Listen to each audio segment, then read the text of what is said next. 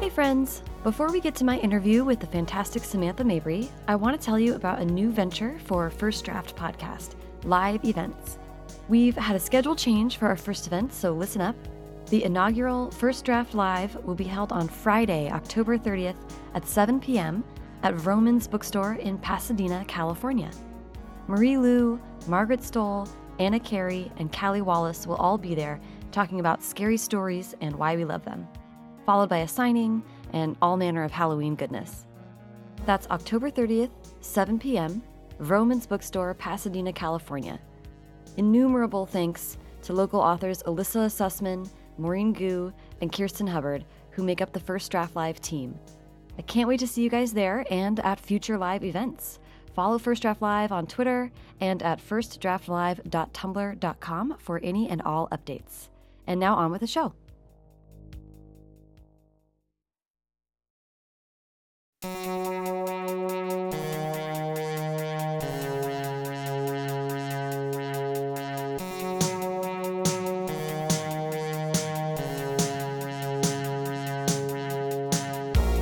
to First Draft with me, Sarah Enni. Today I'm talking to Samantha Mabry, whose debut young adult novel, A Fierce and Subtle Poison, is coming in April 2016.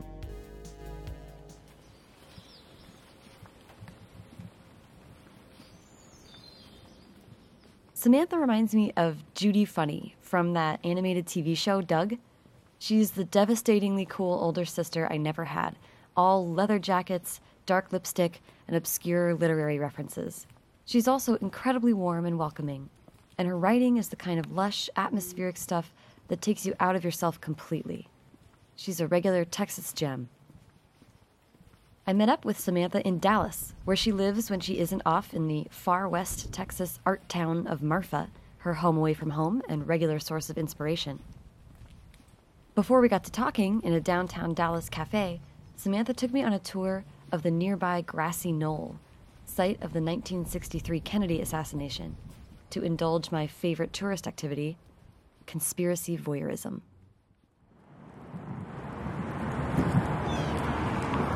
Okay, so do you want to tell us where we are? Okay, so we are at the corner of Elm and Houston Street in downtown Dallas. This is Dealey Plaza, and it is the site of the JFK assassination. And it is a kind of cold and rainy Sunday, but you will see if you were here, there are still lots of curious tourists. Lots of people moving around doing exactly what we're doing, which is being like horribly fascinated by the situation. Right, Um, okay, but what, I'm like looking at the Texas, the, the book depository. right. Sixth floor. Uh-huh. So the window that, can you see that it's sort of open? Yes. Yeah, so that is the window that he shot out of. There's a this is a museum, and so you can go up there, and it's all like set up as his little um, Wow. the crow's nest, Yeah, know, where he yeah. shot. We can walk across the street where everybody is, and then I can explain better. So this is like, cause we were driving in, and you're like, oh, there's the grassy knoll, and I was like, oh shit, I, I forgot. It's a pretty major thoroughfare. Like, I mean, Yeah. you know, it is. it's pretty big. So um, Kennedy would have come down Houston Street this way, and I always was like, why Oswald didn't take the shot right there? Because it would have been a very long shot. My conspiracy theory stuff. Instead of this kind of weird curving shot down this way. Then granted, the trees weren't as high as they are now, so it would have not been obstructed. So when I was an undergraduate, one of the classes I took was on the JFK assassination, and so we, like our final research project was taking one aspect of the case and doing research on it from both the lone gun and the conspiracy theory side. So SMU has a copy of the Warren Report, and so we eventually went down to the library and kind of tried to figure out the source material, and it's all very sketchy and lots of it's redacted, that kind of stuff. Okay, so the X is there's two X's on the street. First shot, where he was uh, shot through the throat, and then the second shot down here is the the kill shot.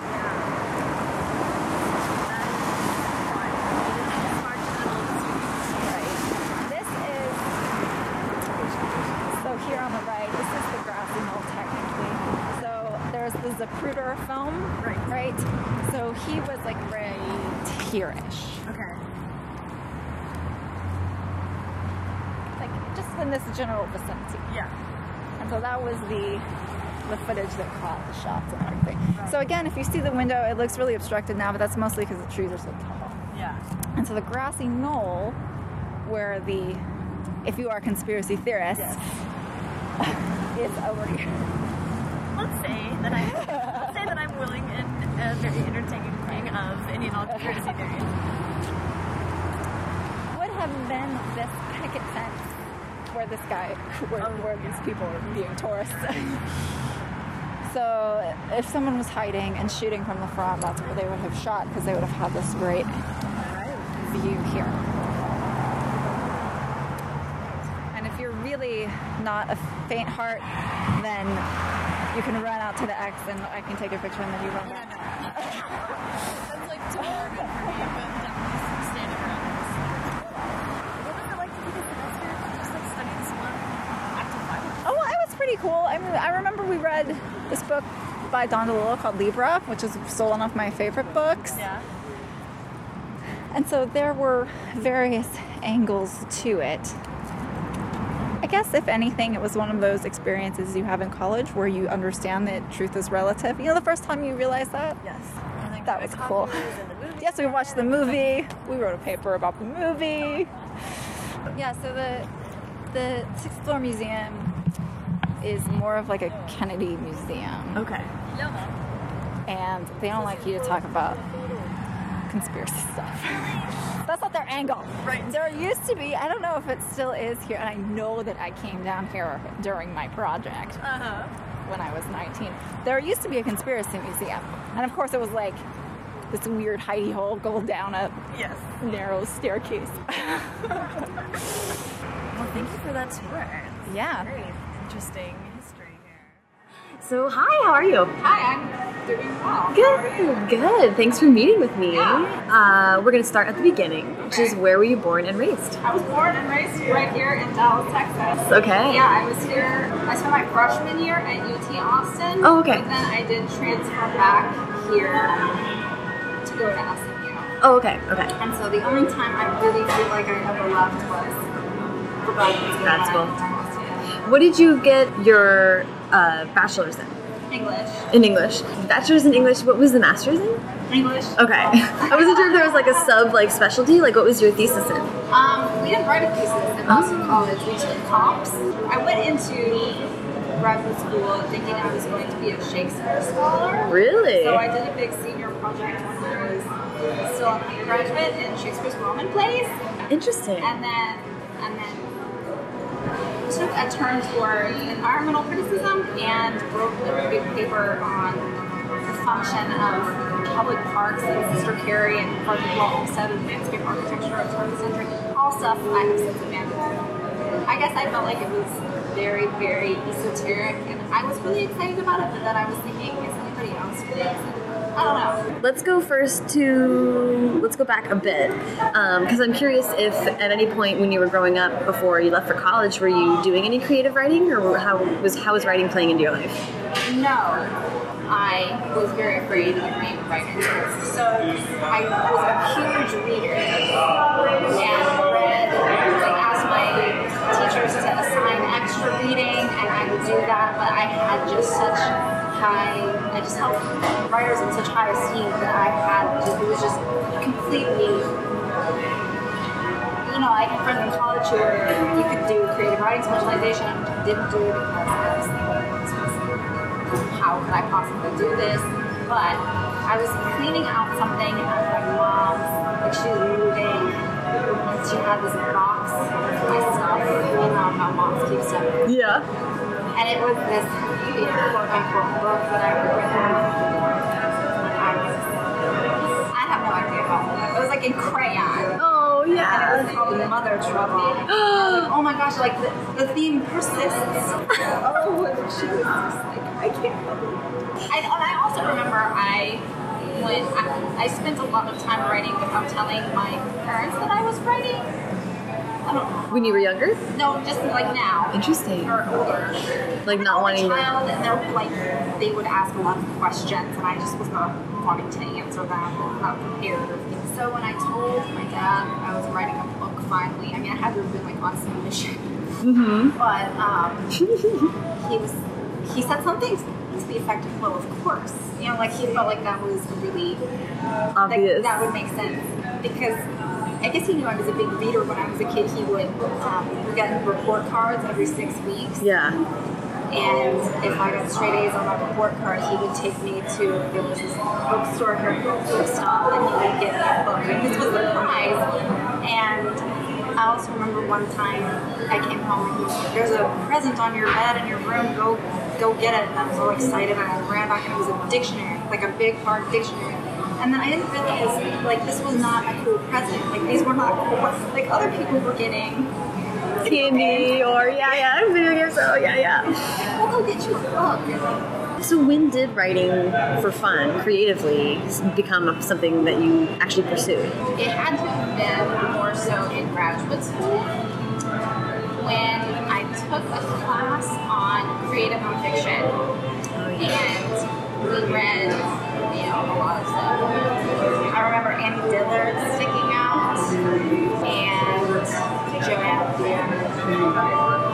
And I started reading Best American Short Story, or Best American Short Story, but also Best American Essays. And, but I got a sense that I could do that, which is funny because I can't do that. It's really hard. like writing, like, Writing from life. Yeah, yeah. that was, I think, the first time that I tried to do some mimicry because I felt that I could possibly do that. And I remember hearing something oh, about Susan Orlean, and I could be getting this wrong, but she was talking about how when she is writing something, she has a book on her desk that is the inspiration. And so while I was writing Leaves, I would look a lot at um, House of the Spirits by Isabella Allende. I was like, remember, like as a prize, this is what you're going for. You probably a little it. Like this is the inspiration. I love that the visual goal. Yes, and then the, the magical realism thing, I had always been captivated by that. And I had read more and more of it, um, even after graduate school, and there was just a click where I that. I was like, I understand what these Latin American people, like specifically, but also Louise Erdrich, um, with Native American stuff and Rushdie. Like I understood what they were doing. I really understood the place they were coming from to write that. And it took a lot of reading of that to almost internalize it, to feel like I could get it out properly. Yeah. What is your heritage? So my dad is half Puerto Rican. His mother was born and raised in Puerto Rico, and his dad is East Texas farm boy. And I, when I met my grandmother, when he was stationed um, in the military in Puerto Rico. And then mother is originally from McAllen, Texas, so she's Mexican American. Okay. Um, because I was going to say, I think I know at least in the case of Gabriel Garcia Marquez, magical realism, the root of it is in like family storytelling. Like I think he has said like his the way he wrote books is just the way that his grandmother would tell stories. Like he just wrote it down. Right. Do you feel like there's any element of that in? Yes. So there's a lot of discussion about what magical realism is, and I guess the definitions are really flexible. But I always felt like it had to be rooted somehow in culture or in a collective imagination of a large group of people. Mm-hmm. Someone told me recently that Gabriel Garcia Marquez hated the term magical realism. Because magical realism, the kind of simple definition is magical elements existing naturally in the real world. But then that gets into all those kinds of questions like, what do you mean by natural? What do you mean by real world? Because Right. the real world for you is your grandmother telling you stories, like she's not telling fantasy stories, she's telling stories that she says is true. Yeah. And so my mother's mother, my grandmother, was very much like she would tell me not to look at some people because they were witches, and then she would she dealt in cash. Like her business was she sold Shaklee vitamins, which is like Avon, so direct sales kind of thing. Yeah, yeah, yeah. So she had a lot of cash. Love she that. kept like in a rubber band in her giant purse. And one time, and she would take me with her to go collecting, which was to get money, and it would always happen at night. And I was remember hating it, and my parents always made her swear, "Don't take Samantha collecting." And yet, of course, she always would. And one night we came home late, and she was washing the money in the sink, in the kitchen sink. And I asked her what she was doing, and she said she was washing off the bad spirits. Like this completely made sense to her, you know. And it's not like it's crazy when you're saying something crazy. That was what she was like. I'm cleaning off the bad spirits from the money. That's amazing. Oh my god, I'm, I'm in love with that. And at the time, as a kid, I, I was mostly raised, for lack of a better term, like raised really white, like white suburban neighborhood. Yeah. I didn't really speak a lot of Spanish. And so at the time, as a kid, it was like, grandma is crazy. But as I've gotten older, I really love that. I love washing off spirits. Yeah. So, so you do feel like maybe your interpretation of because you do write about, um, you know, for lack of a, of a more accurate term, magical elements in the everyday, um, and and witches and and kind of curses and like things like that. So, do you think that's part of the pull towards all those things? Is like a heritage kind of thing? I think that the stories that I read that have magical elements, I just get that. I understand where those people are coming from. Mm-hmm. And I understand why that makes sense. Yeah. I do want to talk about moving to Boston for school because that's a really big change. Like Boston and Dallas are not similar culturally, weather, like none of that. So, what was the choice to go to Boston, and what was the move like? I wanted to go away somewhere. Mm-hmm. I applied to not very many graduate programs, but all based on location. Really, that's hilarious. And I had never been to Boston, I don't think, when I applied. I just wanted to go away. Uh, SMU is also a very Dallas more largely, you can feel a bit like a bubble. And so I just wanted to somewhere different. I got a fellowship, basically. Right. So the choice was kind of made Yeah, and I was, I am, an only child, so I always kind of felt like, like I can just do whatever I want to do, especially at 22. yeah, yeah. And so I moved up there. I loved Boston more than I loved graduate More than you loved what? going to school. Oh, I okay, kind of interesting. fell out of love with school, being a graduate student. Mm-hmm. I think that probably lots of graduate students understand that. There's something very positive and humbling about graduate school. Like, because I find humiliating things positive. On hindsight.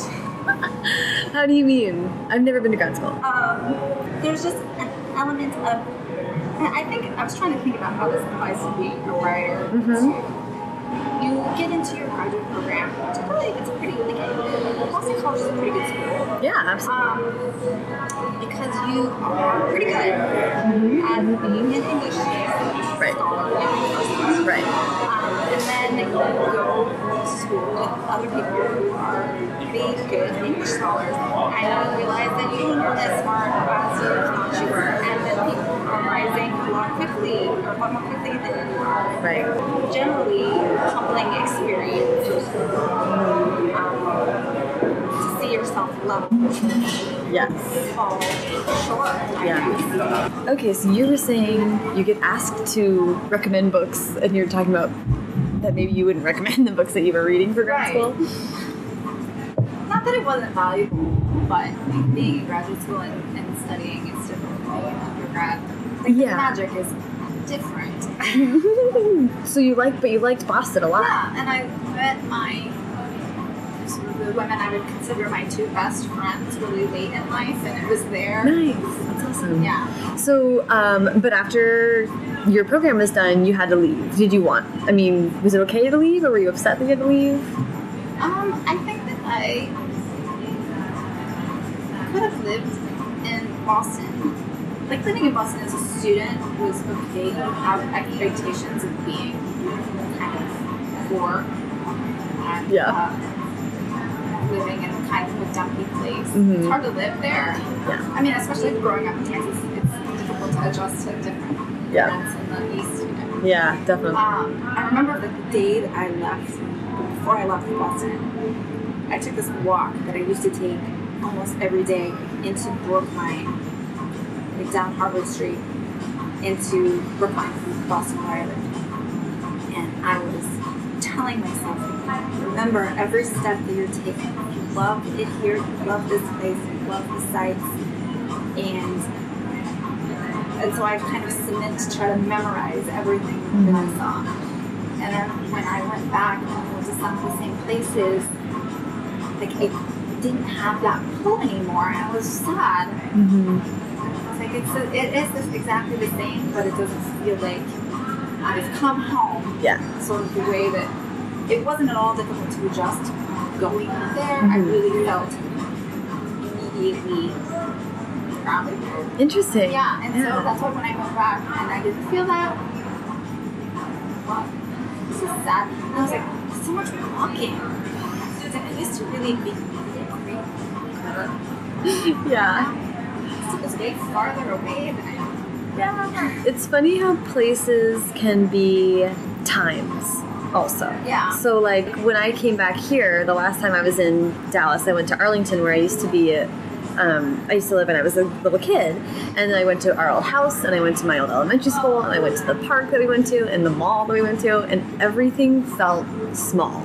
Like I just had this weird sense where I was like, the house feels small, the streets feel small, the distance between the, my house and the school was like tiny, and I just remember that ride feeling like um, it was a million years long every morning and afternoon, and I was like, very weird to visit a place where I was t- tiny Yeah. and to now be there and be like this is like out of time like Yeah. I, i'm i shouldn't have come back like this place doesn't need to exist Yeah. in real life anymore yeah. I would, I had been so proud of myself for being able to adjust to that pace and that place. yeah yeah And then I was just like, could, if I go back now, for whatever reason, Mhm. if I go back now, could I adjust like that? right right Or right would I think that it's too dirty and the trains are too old and or what I'm too? At, Right. At the time, it was all on adventure, mm-hmm. mm -hmm. and so maybe something that I don't want adventures in life, maybe adventures are different. yeah no that's so interesting i love that um so when you when you left boston where did you leave for Um, uh, Lubbock. that's very It's very different different. Oh, I have I have so many stories. So. I had my husband, again, who was not yet my husband, but he, the reason he moved with me to Boston was because he was finishing his PhD when I was, in, he's five or six years old.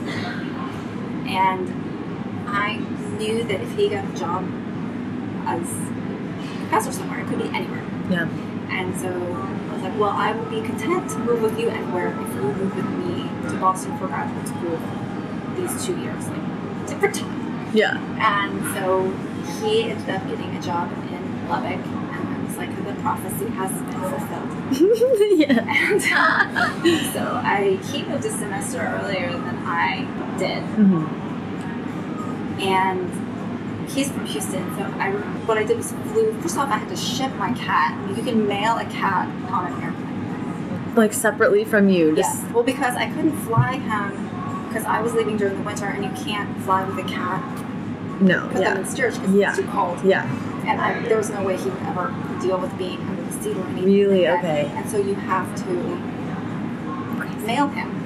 He had a layover in Dallas, which I think is the funniest thing ever. and so I have this very vivid memory of taking him to Boston Logan International Airport in this little carrier that had all these stickers like cat, black, Mhm. animal. And someone had told me that you can freeze water in a dish so that they will have some water.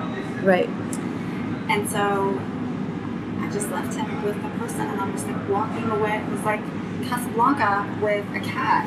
Yeah Looking at me through the bars of his cage.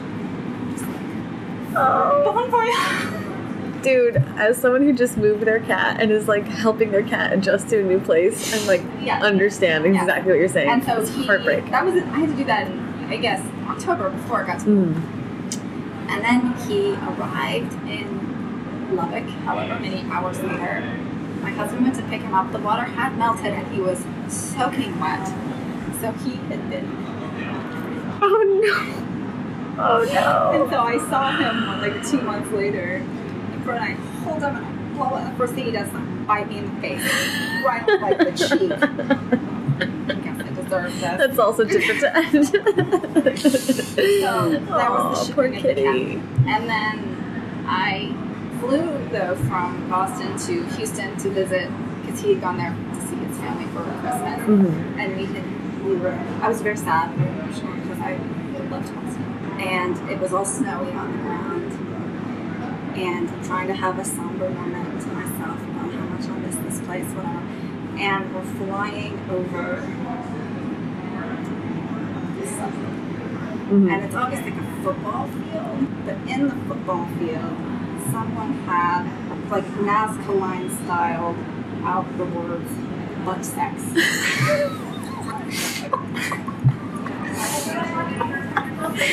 Oh, so from the plane, trying to miss Boston, you're like that's so funny. Oh my god. And so we did the little Christmas in Houston, and then we went to Lubbock. I remember the first news, like watching the news, Mhm. the first days I was there.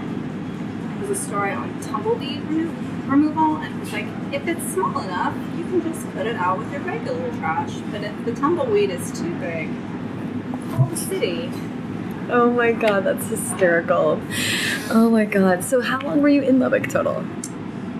Maybe a year and a half. Okay, so not not too long, And like that less was- than Boston. Yeah, and that was when I took my first like, legitimate creative writing class. Okay, where at That where was at? Texas Tech. Okay. That was with Dennis Covington, who he was a national book award finalist for a book called Salvation on Sand Mountain. And I hadn't heard of this book, but I emailed him before I left Boston. Hi, I'm not a writer. Yeah. I think I maybe. Can I take your class? Um, and he said fine. And he ended up being one of the greatest influences on me, just as a writer, as an interesting person. Yeah. And That's cool. How it was like a semester long or how Yeah. long was it? That's awesome. And you had been doing your own, like writing on your own a little bit. And then this was sort of maybe for the first concentrated Yeah, I mean, I think that at Boston College, we had to do like one of the assignments was a personal narrative. Mm. we had asked our students to do that. And Yeah. So when we were taking our pedagogy class, they asked us to do that, and so Mhm. I had crafted a couple Mhm. of narratives, Mhm. and I sent them that because it was a class on probably narrative nonfiction. Mhm. So is- Yeah. here's a sample. And he said, okay, yeah, that's awesome. yeah. Um, so is that mostly what you wrote? Non- you continued to write nonfiction with him, or was for that class. And I think that I queried that, sent that out. a, Um, a collection, or you had written a no, long it was form? one. Like I was trying to, yeah, it was just a long form essay. I Okay. was trying to get placed in various Mhm. journals. About Bonnie and Clyde, and also about how this guy that I knew ended up being a bank robber. Really? Yeah, he would. Can we hear that story? Yes. I gotta know this. Um, he works for this company that my mother works for, and he was the driver. And he had a maroon minivan, like a Dodge Grand Caravan or something, Totally. that he would slap the like magnetic sign of the company. when he Mhm. was using- He would sometimes pick me up from the airport when I would come home from at UT when I was a freshman hmm and his dog always rode in the car. His dog, his name was Ginger, and it was poodle, and it sat like in the back seat sideways with its ear pressed up against the seat. Yeah. Because one time when it was riding in the front seat, he had to slam on the brakes really hard and flew into the dashboard. So now she, Ginger always still loved to ride along, but always braced herself. Oh, and then I was asking my mom, you know, whatever happened to him? And she said that he was using the company van to hold up banks in Plano. Oh my god. That is insane. And of course, my first question was, was the dog with him? is the dog waiting in the back seat? If so, that is awesome. Like the dog is in the vehicle. and somehow I, I guess, I mean, thing was never published because it was my attempt to like weave those two narratives together. Yeah, yeah, somehow. Uh, a Bonnie and Clyde in the sky. Yes. I mean, that sounds really fascinating, but yeah, that would be really difficult. Yeah, like thematically kind of get. What was about like me more and this fascination that I had with being close but not too close to dangerous things. Like I was never a rule breaker. Yeah, yeah, yeah. My friends were rule breakers. That was just always my personality type. Yeah, yeah, yeah, yeah. Oh my god, that's funny. When did I'm, I'm kind of like steering towards like when did it come to creatively writing and also YA? Like how did like the age group? So I was a yoga teacher. Okay. This is a roundabout answer, but I will get there. No, I'm I'm here for this. So I and I was trained. I I started doing yoga in Boston. okay. um, and my teacher's name was Baron Baptiste. So, in order to be a Baptiste teacher, at the time you had to go to training, Mm-hmm. and you had to do the level one and level two. Level one was a week, level two was a week. Mm-hmm. You did them at separate times. Mm-hmm. Um, level one was in Hawaii, level two for me was in Montana.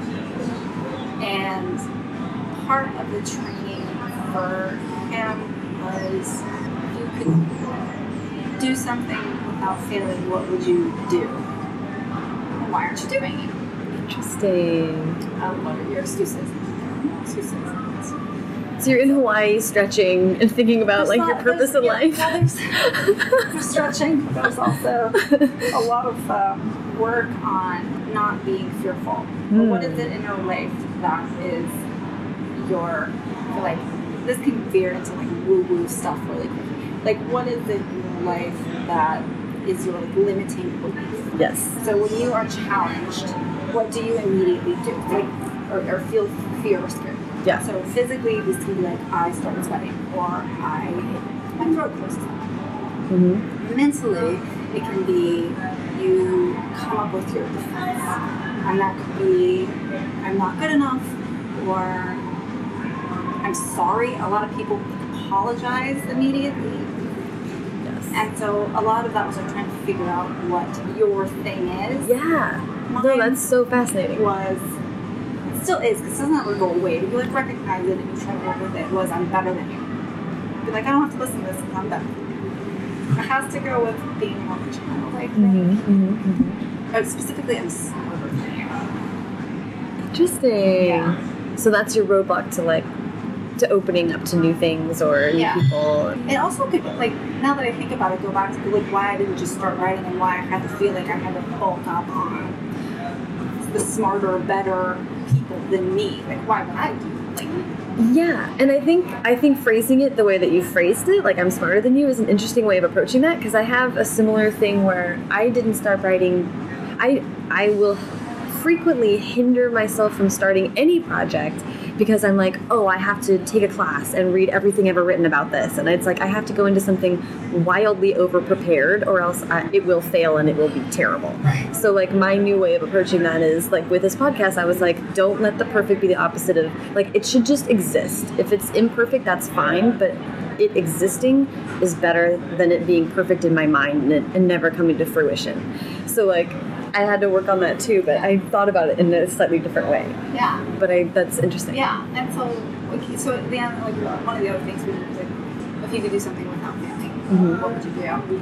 And so I was like, I would write a book, like I've always wanted. Because again, it's like also like fear of failure. Why would you not do it? Well, because I'm not as good as any of these other people, and why would I try it? Because I'll never be as good as them. Right. Right. And so I started writing. Uh, started writing a ghost story. That was the first book that I ever wrote, and it was because I was obsessed with this British TV show called Most Haunted, which is sort of like what's the big ghost hunter? Is it just called Ghost? Hunters Yeah, there's or Ghost Hunters here. Yeah, yeah. It's like Ghost Hunters, except it's in Britain, so superior. Yeah, they go into obviously. castles. Yeah. And There's, it's there's more ghosts there. Let- That's on the just Travel Channel, nine o'clock on Fridays, and we didn't have it was like maybe before DVRs. We don't have one anyway, and so I would have to be home at nine o'clock on Fridays to watch Ghost Hunters. it was a parapsychologist. It was the best show, and so I was so immersed in the ghost hunt. I a story about ghosts and oh, all the battle that's been going on forever between two ghosts, and then some girl comes in, blah blah blah blah. And so I wrote that. It didn't really go anywhere, but then I just had the sense that I could do it. yeah. You actually started it. Yeah. Yeah, that's a great step. Yeah. And you wrote you wrote to the end. Like you actually finished that story. Yeah. That's huge. Getting to the end is a big step. Yes. I'm also just a big. Um, and, and I may have also, like, I was teaching at the time I started teaching composition, Mhm. freshman comp. And you see a lot of students who don't do, it's not like don't do what you say that they should do. Right. Teachers, but like, just don't, like, basic commitment things. Mhm. Just turn in your homework. Just set your alarm and come to class. Mm-hmm. Just do it. Yeah. Just do what you say you're gonna. There's like a, there's so many people in school who just don't do what they say they're gonna do. yeah. I That's didn't want so to real. be one of those people. I think that's huge, and, I, and that's a it is a choice. Like you choose to just be as good as your word. Yes. Also, I was thinking, like as a teacher, there was another teacher across the hall from me, and he was letting his students do something late, like turn in something late, which I Mhm. never let anyone turn in anything late, or they they get off the. And then the student was like, "Thank you, professor. You are so nice." And I was like, "The last thing that I want my students to be like is she was so nice." I was thinking, there are well, there's plenty of nice people in this world, and they're great people. But maybe it's possible to be nice and get shit done. Like I can't be nice and get shit done. So I'm going to get shit done. I love that. So you got shit done. You wrote your first book. Yeah. When was this timeline of like taking the class This and then writing the story? So the creative writing class was completely in nonfiction. Mm-hmm. Um, and that was in maybe five or six. I started the book, I remember starting the book in 07. Okay. You know what was funny though, because I was actually teaching a group of students at the, the studio where I was teaching yoga. It was like a little program based on my my teacher stuff. And so I was asking them the question, like if you could do something without failing, what would you do? And then I was like, well, I should probably do that too since I'm asking other people to do it. You so you finished the ghost story. Did you try to query with that or? Yeah, so I got my agent with that story. Um, but there was a good story about that. Is that I queried her with it, and she said yes, I want it. And I went back and wanted to make. She was the first person to say so I queried like 50 people. Mhm. Um, and she was one of a handful who wanted it all Mm-hmm. and I wanted to go back and just make sure it was right. And then I went to go put it in the flash drive thing, and it erased it. It was erased, and so I have I have this memory of going, and this was on campus, and so I'm walking in the rain in tears to the tech support people with this flash drive. Where the flash drive has corrupted. Can you save Anything. Oh my god. and they they couldn't. But there were other files and other places that I somehow managed to cobble together, but it still wasn't a book. And so I emailed her and basically explained this, and she was very nice about it and said, just email it when it's ready. And so by the time it was ready, she had moved agencies or taken a different kind of position, and then six months later or something, I found her again. And was like, hey, remember me? Oh my god. I cannot believe it got erased. Like, I this was way before I knew about like saving in multiple places. There was no like Google There Drive. Dropbox. Yeah. Oh my god. How horrifying! horrifying. pretty awful. I'm kidding. Ugh. But you you salvaged it and sent it Yeah. to Michelle. Right. And so we edited it for a while. Then we sent it out. Yeah, it was on Mhm. submission. Okay. But I think that it was at the tail of the paranormal thing. Yeah, yeah, yeah. And so it was. Challenging. yeah. Yeah. Was that story a YA story? Yeah. Okay. Did you know that it was a YA story when you were writing it? How, to what extent were you aware of that? Yes. Okay. And you knew you wanted to write like about young women or Because I guess I wanted to write ghost stories more. Mhm. And the avenue that I was seeing was like, I guess the paranormal thing was the and why it was happening Yeah, then. yeah. And I was like, like lots of people are writing these books and people are buying, buying the books and I can write. You know. Mhm. So you know, I didn't actually start reading a lot of YA until I was writing YA. Maybe because most of my time was spent not like reading other things for like, all the English Yeah. coursework that Yeah. I had to do. Yeah. Okay. But I knew ghost stories. Like I knew how to do that. so, I mean, I guess I'm just asking, like, were all your ideas featuring young women? Was that like the voice that felt natural to you? Oh no. Oh, yeah. Should like thinking back to what that book was about. Right, the narrator was a boy. Oh, okay. There you go. Okay. But, a young guy, right? Yeah. Okay. And the narrator of Leaves is a boy. Oh, okay. Oh, okay. So that's from his point of view. Yeah. Okay, let's talk about Leaves. So wait, how do you, how do we get from Ghost Story to Leaves? Was Leaves your next project? Yes. or- Okay. Um, and I was kind of panicking because we had been on, I we've been on on sub with the ghost story for a while, and it was looking like it wasn't going to go anywhere. Mhm. And I am not, I do not have the most ideas. Other writers come up with ideas constantly or have a folder full of possibilities, and that is Mhm. not me at all. And I have a friend of mine who is a 19th century Americanist, like that is her specialty. She was talking about Hawthorne. We were talking about Hawthorne, or there was something Dallas Opera was doing a version of the Aspern Papers, or somehow she was talking about someone should do a retelling of a Hawthorne story. And I had remembered, because I, in that environmental literature class, I had written about Hawthorne Mm-hmm. and his remaking of the American landscape. Mm-hmm. So I had somewhat, you know, back knowledge of Hawthorne, and I remember the story of Rappaccini's daughter about a girl who is confined to her garden because she is made of the same poison as her father's plants. Like she is his experiment, or like her science experiment, Okay. and the boy who falls in love with her. So that's the Hawthorne's like That's that is story. Okay. And they tried to be together complications. And so I thought that that sounded like a cool story.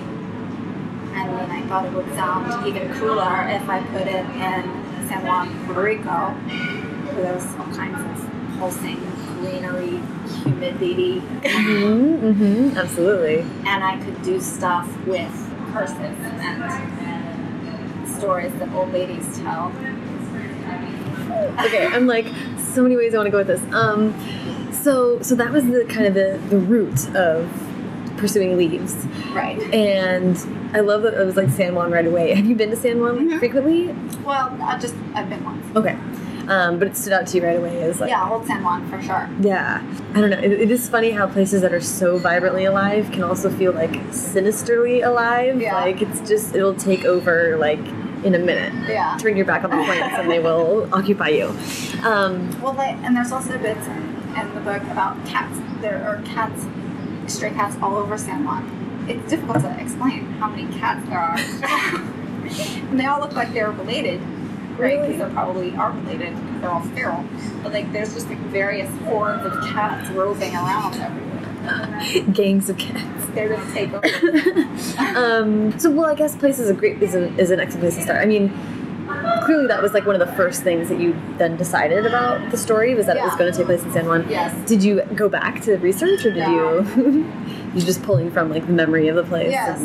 I knew that I wanted it to be about San Juan. And I guess when I was thinking about how could I retell this Hawthorne story, which, I mean, the book is very different. It ended up quite different. But where could there be this courtyard full of plants that's Mhm. sort of enclosed? And I was thinking about Spanish colonial houses and how there's the front, but then you open the gate and there's this magical house with open ceilings and Mm-hmm. and so I then was thinking about this house, which is also probably from the House of the Spirits, and also like 100 Years of Solitude. Like I wanted the house to Mhm. be a character, Mm-hmm. and there was this house that people were not sure about what was going on in the house, and the house is cursed. You go in, and this is what happens, and you don't look at it, this is what happens. Mm-hmm. And so I really wanted to go with that Yeah. story about. I wanted a story about stories. Yeah, yeah. Um, what was the poll about writing a mean, you write from the point of view of the guy who was sort of discovering this. But what was the pull about writing a girl who is like sort of a monster? Um, I guess I was trying to a lot of figuring out.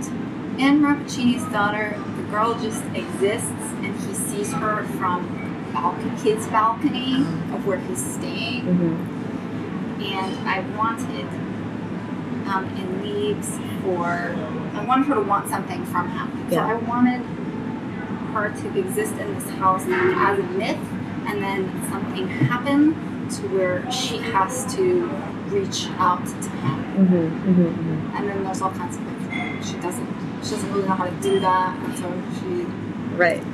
I mean, that that just seems like such like fertile territory to imagine this girl's life and how she would, would what she would know, what she wouldn't know. What was it like to exist in that space and explore it? Um, it's helpful to have the main character existing in the same space as I was. Yeah. And a lot of the first, like the first chapter of the book, explores all the varieties of her that people think like, well, she looks like this. No, she looks like that. Well, she's a, she is a ghost, or she is a little girl, or you know Mm-hmm. and I wanted her to actually have some of those things, you know, like sort of be like, some of the, the truth, her to embody some of the actual parts of the myth, but then also not. Yes. Yeah, yeah. For for I know what you're trying to say. I'm trying to phrase it too. Like she is the root of all of the myths Yeah. that people extrapolated Yes, from and her. but she's yeah. also quite different. Because I think it incorporates some like legend elements, or is that accurate or not? I might be wrong. Tell me if I'm wrong. the girl's mother is Taino, like a Puerto Rican native. Mhm. and there are stories about. I also pulled on like a myth from the Dominican Republic about a woman who La Ciguapa. She's like the, you know, like the lady of the lake or the. It's the one on the Rio Grande. La Llorona, like Yes. the woman who's crying for her kids, that kind of thing. Mhm, mhm. There's a Dominican version, which is creepy, where she roams the forest. She's very long hair. The creepiest image about this this person is that her feet face backwards, which I think is just Whoa. so. That is sort of retold in this, is a, a story that the main character's mother once told him about About the girl Yeah, or the about, okay. about- well, not about Isabel, but just about that that thing. Yeah, yeah, yeah. And then there are there's like a, a reference to Taino goddess of the hurricanes. It's a real thing that I is a book by Esmeralda Santiago called Conquistadora. And she talks about the goddess of the hurricanes. There's like a goddess who makes the hurricanes, and when she gets mad, she she's responsible for crashing Spanish ships and things. Yeah, into the rocks. Ooh. Yeah. So there's this thing. I liked the idea of Earth fighting back. So I Yeah. incorporated some of that too. Yeah. Okay. You're sort of dealing with how people constructed this girl, and then like breaking through that. Like I'm a really big believer in memory persisting through generation. So as much as I like to hear people talk about how they're individuals and they do their own thing, like I don't really ever feel like someone can be divorced from the lines of their history, and that is a big deal for, or, or maybe they can in some ways and they can't in other ways. Mhm. And so both of the characters in Leaves are dealing with that in in different ways. Like the Mhm. main character is basically I sort of created him sort of like me, like on the outside basically white, like a white kid. Right. People ask me like all the time, like what what are you? Because I could be cab drivers always think that I am like whatever they are. Like you're Persian. And I'm like, no, I'm Mexican. And he's like, no, Persian because because Iran took over Spain, Oh my God. and then Spain, Mexico, Persian. They're like finding ways to just bring you in. like it's basically what. But his mother is from the Dominican Republic, but doesn't doesn't really play a role in his life, Mhm. and so he's trying to like figure out like where he is. Yeah. And uh, the, Isabel is, is also influenced by her dad, who's British, Okay. and her mother, who is Native Puerto Rican. Okay. Who's dad? So the scientist is. Yes. Of course, the evil scientist. I love it. Um, that's so fascinating. I love that, and I love what you're, ta- we're talking about with memory passing through generations. Because I think that is like the element of magical realism that's consistent. Is it's like it's legends in everyday life, and it's just the fact that these fantastical things exist, and we have to rely on the generations before us to know them. Yeah, there's this really wonderful thing that William Carlos Williams said about history, and I'm trying to remember it. It's like history is us, we are history, or it's in the Fountain of Eternal Youth. It's an essay he wrote. William Carlos Williams was born in New Jersey to a British father who grew up in the Cayman Islands, somewhere in the Caribbean, and Okay. a Puerto Rican mother, and still felt really Puerto Rican and American. Mhm. Had this really complex identity Yeah. that was at equal parts autonomous, like Mhm. really American in its sense of I can do anything, but also very tied to the backstory of his mother Yeah. Yeah. Ooh, through like like way way back. Yeah. Yeah. Yeah.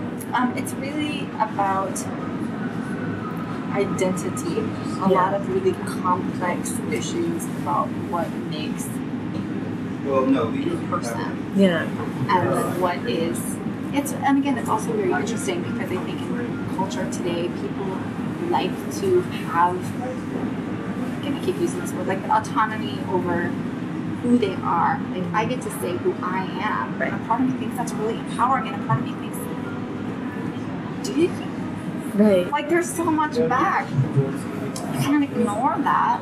Maybe you can ignore that. But some people can't ignore that. I Right. can't ignore that. Well, and I think there's a difference between willfully trying to construct your own identity and then assuming that other people can do the same thing. I think that's where we get into Oh yeah. issues. Yeah. Um, turning around and saying, well, just decide what you are, and you can ignore the centuries of anything that you Right. might have experienced or that you understand. Right. It's like, that's not fair. Right.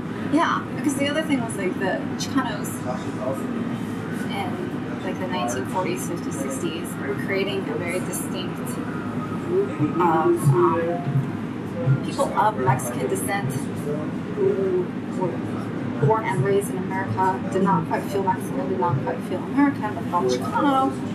I've used this word, and then someone like Octavio Paz came to LA and was like, these people don't know who they are. They exist like, in between two identities, but then Chicanos were like, we know exactly who we are. Chicanos, but it doesn't fit his version of what identity is. Right, right. That's okay. We can talk about that for hours, but you teach a whole class on it clearly. But um, but I do want to talk about just a couple more things. I want to talk about Marfa because you do you want to explain where and what Marfa, Texas Oh, is? okay. I s- have spent the last two summers, like a month, Mhm. in, in Marfa, Texas, which is a three-hour drive from El Paso to the east, Mhm. or a three-hour drive from Midland, Texas, Mhm. to the west. Uh, it is the high desert plains, so it gets very, very cold in the winter and very, very cold in, at night in the summer and Mhm. hot. There are about 2,000 people who live in Marfa full time, and it is my favorite place. It's sort of an artist, like, like it feels like a, this weird artist safe place. Yeah, or just if you're generally odd. Like artists do go there, but it's a lot of. Uh, it's known for Donald Judd, who's an artist, like a New York-based artist, and then he's built a foundation there that's maintained. So people come from all over the world to see that place. Yeah, yeah. What? How did you first discover it? When did you first go there? I don't know. I, get, I mean, maybe just from being in Texas, you know, it's there. It's always been. Uh, and I think that we visited. I had been out to Alpine and Marathon, which are over there, but then didn't go to Marfa, and somehow the next trip up we went there, and then we stayed for two days, and then a week, and then stayed month. and what do you? What is um? What is, What about Marfa? Do you really love? What makes you inspired to go back? Um, the older I get, the more I realize that I like things that are very simple and manageable. I do love shedding. Um, just in my life, I don't like things. I like to get rid of things. Mm-hmm. It's almost sort of pathological, I think. It, it, has to do with anxiety, Yeah, yeah, yeah. not having clutter. Mm-hmm. And so there's something very clearing there. The sky there's nothing there's nothing really there. Um, but the sky. Well, we were talking about how a draft of a book that you're writing right now is very spare. Yeah. And I would say that Marfa and the desert is very spare. Yeah. There's not excess there, Right. which is very nice. Yeah. I drove through there last summer and found it very soothing, Yes. visually and Yes. in every way. And then you you know, my husband and I spend a lot of time thinking about how we can get back and there are people there who just they live with hardly anything to live there. Yeah, yeah, that's really cool. Yeah. so when you go there, is it? Are you? Do you write while you're there? Are you just sort of soaking things Yeah, the last couple of years, it's just been timed well to where I can write. Write. I finished a draft of the thing that I'm working on now, the West Texas. Um, I do a lot of reading. So it's just sort of this like respite. Yeah. Yeah. I I can always. lay. Uh, there's a hammock. Do you stay in the same place? Yeah, Okay. there are peacocks in the yard across from ours. Oh my god, that's amazing. They're very loud. Very loud. Really? That's Yes. so funny. I don't know if they what that noise was. Peacocks. There's three of them. Oh, that's hilarious. They're guard birds, apparently. They serve as. There's no other reason why you have peacocks. They don't. I mean, I guess you could breed them. Yeah, they don't serve. There were no other peacocks in the area, They're not native. is I'm trying to say. and um, they, they stand up on the, the fence and squawk if anything gets close. what are the lights? What do you think the Marfa lights are? I have like gone out there a couple of times. One of the first times I went out to Marfa was just for a couple of days with my friend Sarah. Mm-hmm. And we went to go look at the Marfa lights. There's a little viewing platform. Do you want to just give a quick thing on what the Marfa lights are? They're yeah, like. they're like, uh, um, well, no one knows. That's why I can't give a quick thing. I know. So they're like astral projections. Some people think it's like the aurora borealis. It is not that. It is like little dots on the horizon. Right, they're like Like little light lights that just sort of linger on the horizon, yes. and there's You can much. sometimes see them. Some they don't always appear. Right, there's much conjecture as to what, what, they are. I mean, they could be from space. They could be alien visitors. But the best part about Marfa is that it's the kind of place where it's like, let's talk about what they are. Who really cares? Yes. and so um, we went to go look for them, and there's other lights, but there's, I was like, that's all from the highway. It was like a highway that curves around and goes south towards Ojinaga, Mhm. like Big Bend south. Yeah, yeah. the border and my friend Sarah was like, well, let's just go check. I was like, this is stupid. Like, we're not gonna go. She goes, let's just go find the origin of the Marfa lights. And I was like, Sarah, we're not going to be the two people that find out, like, solve the mystery of the Marfa lights. and she, she said, she was a yoga teacher friend of mine, so she used this yoga thing. She was like, be a yes. And I was like, shut up. and so we went, and we had a rental car because we had flown into Midland and drove. So we were driving, following the road that we thought was a major highway thing, and we were going south. And so coming up north, we passed a border patrol checkpoint, which is sort of all around there, generally. Yeah.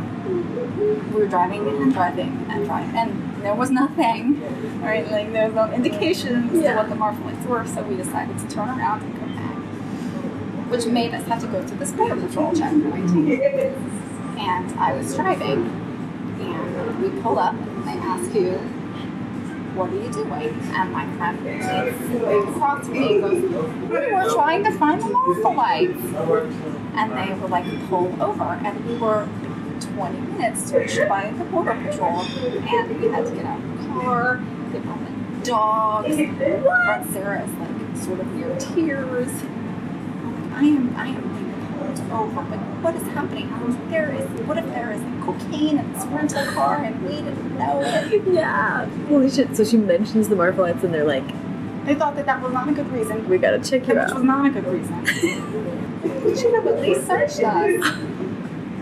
Brought out dogs. It's like an innocent thing to be doing. I know. Could be put in prison. yeah, The be- all because of the Marfolites. lights. Oh my god, that's hilarious. Oh my god, a federal shakedown. Yeah, That's insane. like you can go. I know I can, but there's nothing. Yeah, what the hell? Oh my god. So just two girls ghost hunting. Give me a break. I know. Okay, and the last question is about advice. What advice would you give to people just starting out with creative writing? Um, I'm gonna go with the copy. Yeah. I would. This is not new advice, but there's two ways that you can copy. Like literally, you can open your favorite book and write what they have written, Mm-hmm. like with your hands or typing. Mm-hmm. So I was told that as a way to figure out how sentences work. Like on the sentence level, you can break it down that way. with, um, Yeah. how how how sentences work. Um, I also like the idea of writing a story in the style of someone you already know. I am a big believer in completely wearing your influences on your sleeve. A, if someone can figure out, there's there's so much in leaves. Like if someone can figure out what it is that I'm referencing, like please, because it's, I'm not hiding at all. Yeah, yeah, yeah. So I, I, I talk to some creative writers who, when I say like, who do you like? Who do you want to write like? Right. And they say things like, I want to be really original. I don't know if that's really a good. So like the be yourself advice. You sort of develop a voice just because you are who you are, and then, you're yourself. But I think that you have to like be someone else before you be yourself. And try on a bunch of different. I mean, because the thing, if you imagine like wearing the hats of all the people that you like, well, then you're going to be wearing a unique set of hats, and you're Yeah. going to end up looking like yourself because you have that collection of hats that no one else has the exact same collection Right. of. So it's like identity, like you're saying. Some people want to set out and say that they don't, they can ignore the past and they're their own self-made person, and it's like, but something made you up. Yeah. And like, don't you want to be associated with Like, there was something I was reading recently where like Cormac McCarthy is always referred to as like William Faulkner, like a disciple of Yeah. William Faulkner, even down to punctuation. Like so, Cormac McCarthy's use of punctuation mirrors that of William Faulkner's. I'm sure on purpose. Yeah, right, right, right, exactly. No one says. Cormac McCarthy rips everybody off. He doesn't know how to have an original thought, you know? It's like there's worse people that you can shape your punctuation after. Yes. Like, give me a break. I would say there's value in copying up to a certain point. Again, like Yeah. knowing who you want to be like. Yeah. And then like a funny thing will happen where you'll write a story that you think is a complete ripoff of Isabella Allende or something, and then someone else will say, "Oh, it reminded me of this totally other person." Like you know, Yeah. Who you weren't thinking of at all because you don't sound like Isabel Allende. You Right. sound like Right. yourself who has echoes of other people. And you're not even trying to write like her. You're trying to write like your interpretation of her. Maybe someone will think of you in the same breath or think in terms of, Yeah. oh, she must have read a lot of. Yeah. Yeah, yeah. I don't think that's bad to say a lot. I think that makes a lot of sense. Um, well, thank you so much, Sam. This is so Yeah. fun. Thank you